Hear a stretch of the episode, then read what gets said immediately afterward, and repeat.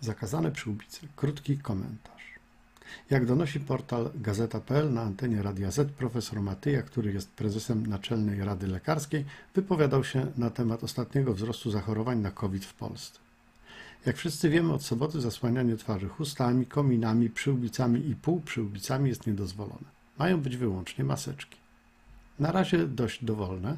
Mogą być zwykłe, bawełniane, ale nie da się wykluczyć, że stopniowo będziemy przechodzić w stronę bardziej profesjonalnych osłon. W pierwszym rzędzie chodzi o jednorazowe maseczki chirurgiczne. Rozważa się też ponoć stosowanie maseczek filtrujących FFP1, FFP2 oraz FFP3. O aspektach medycznych wprowadzania obowiązku noszenia takich czy innych maseczek się nie wypowiem, bo się na tym nie znam. Proszę zobaczyć, jak wielu osobom to nie przeszkadza. Nie zna się, ale chętnie się wypowie. Natomiast profesor Matyja zahaczył swoją wypowiedzią o kwestie ekonomiczne. No i tu go mamy. Oto jego wypowiedź. Jeśli wprowadza się nakaz noszenia właściwych masek filtrujących, to powinno się równocześnie zabezpieczyć możliwość nabycia takich maseczek. Nie tylko w przypadku maseczek, ale też wszystkich środków bezpieczeństwa powinny być ceny urzędowe. Błąd. Błąd i jednocześnie dowód, że lekarzy trzeba uczyć podstaw ekonomii. Właściwie wszystkich trzeba tych podstaw uczyć, bo to właśnie z podstaw ekonomii wiemy, że rada profesora Matyi jest zła. Maseczki są dobrem rynkowym, handel nimi odbywa się na rynku. Jeśli zabraniamy noszenia chust, bandan, bufów, przyłbic itd., to zwiększamy popyt na przepisowe maseczki.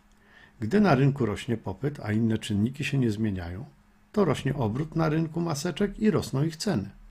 Rosnące ceny maseczek pozwalają zwiększyć ich produkcję, bo podniesienie produkcji opłaca się producentom. Opłaca się też sprowadzać maseczki z zagranicy, bo to dobry interes. Dzięki temu na rynek trafia dużo więcej maseczek niż poprzednio.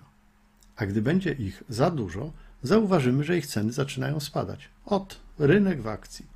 Widzieliśmy to już na wiosnę 2020 i możemy to zobaczyć na moich wykładach.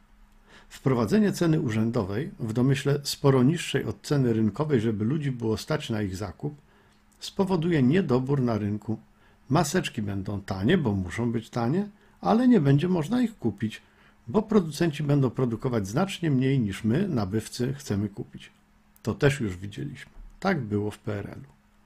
Towar w sklepach był tani, jeśli był, bo najczęściej wcale go nie było.